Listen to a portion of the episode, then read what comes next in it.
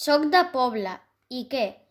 Resulta que el dia 11 d'octubre de 2020 el meu iaio i jo vam anar a caçar. M'agrada anar-hi els diumenges, però el que més m'agrada és compartir aquestes estones amb el meu avi. Quan estàvem al local dels caçadors, el iaio li va dir al Jaume «Posa'm en una parada bona.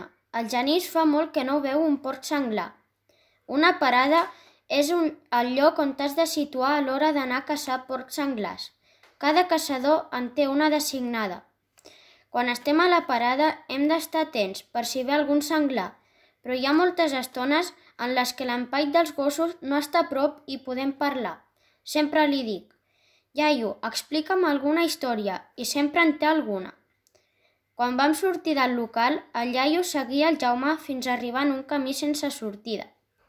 Pel camí, quan anem cap a la parada que ens ha tocat, també aprenc coses sobre el territori on visc. Conec el nom de les masies, la Casa Gran, les Escodines, la Quadra, de les persones que hi viuen o hi vivien, dels camins antics que porten a l'antic poble de Selma, ara despoblat, dels pobles i llogarets, de les urbanitzacions del voltant, Aprofito que conec molts llocs per anar en bicicleta amb els meus amics i seguir descobrint més coses sobre l'entorn que m'envolta.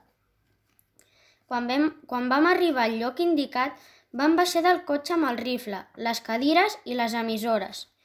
El Jaume ens va dir que darrere d'aquella alzina hi havia la parada i llavors ens va ensenyar la seva, uns metres a, més avall de la nostra. Era una pedra amb un carrerany que puja des de sota la vall d'Infern.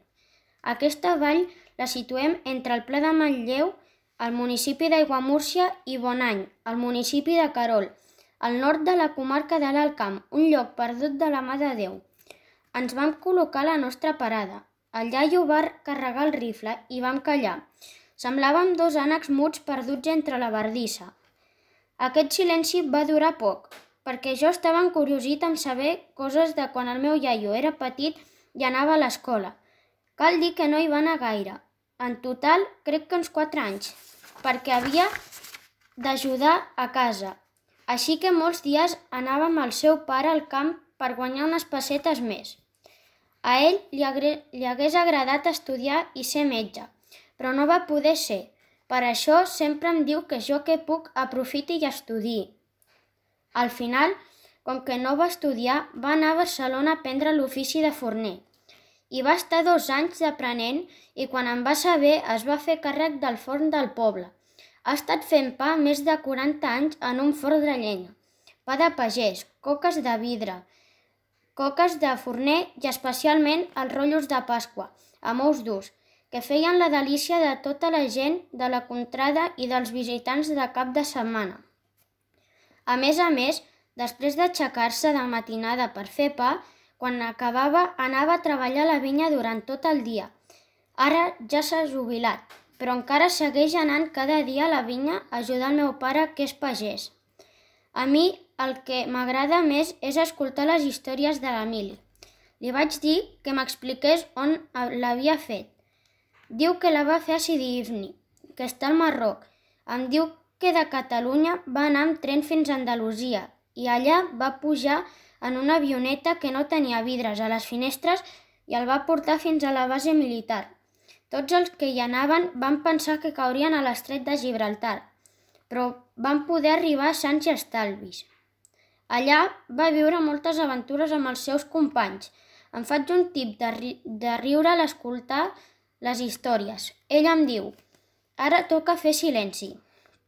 Els, gosse els gossers són els caçadors que porten els gossos i aixequen els porcs senglars. Van dir per l'emissora que ja engegaven, és a dir, que deixaven anar els gossos del remolc. Es van començar a sentir els primers lladrucs. Al cap de mitja hora ben tocada, vaig sentir un trencar molt silenciós que passava uns 20 metres per dins el bosc. No va sortir res.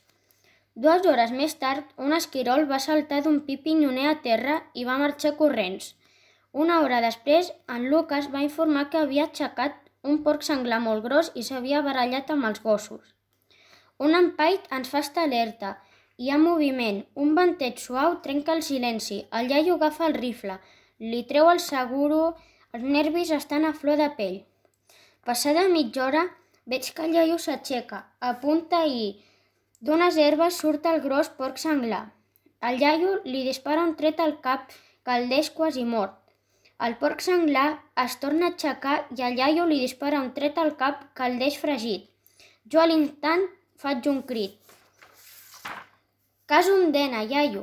Quin ensurt! Ha passat tot tan de pressa, tan de pressa que no m'ha donat temps a reaccionar.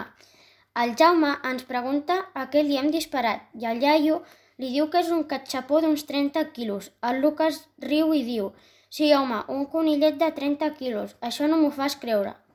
Quan el Lucas arriba al lloc, s'adona de les dimensions del porc senglar. Pel cap baix uns 30 quilos, com diu el Manolo. Quan acaba la cacera, el Jaume puja cap a dalt i diu Os Pedrera, Manolo, felicitats. Vaja porc senglar. El Jaume va a buscar el cotxe i el carreguem. El iaio i jo, impressionats per al moment, encara estem al·lucinant. Quan arribem al local, el iaio va haver de pagar una ampolla de cava del mas de la Becerola. Aquesta és una tradició que els caçadors del Ple de Manlleu mantenen viva des del temps de la picó. Quan es mata un porc senglar gros, això no passa cada dia, al caçador responsable li toca pagar la festa. Així doncs, l'Àngel, a qui tothom coneix pel mascle, és l'encarregat de cuinar per la colla dels caçadors. Aquest dia ens va oferir paella de muntanya, arròs, conill, pollastre, pèsols, pebrot i un bon sofregit de ceba. El porc senglar hauria d'esperar un altre dia. A trossos, cada caçador se'l va endur a casa seva. No cal dir que el iaio i jo ens vam emportar els ullals. Era un bon record. El dia de l'aniversari del meu avi li vam regalar un trofeu de caça, que eren els ullals del senglar que va caçar amb mi a la carbonera. Va quedar molt bonic, ell no s'ho esperava i li, va i li va agradar molt. Va ser un dia per recordar, un dia que quedarà a la meva vida i mai oblidaré.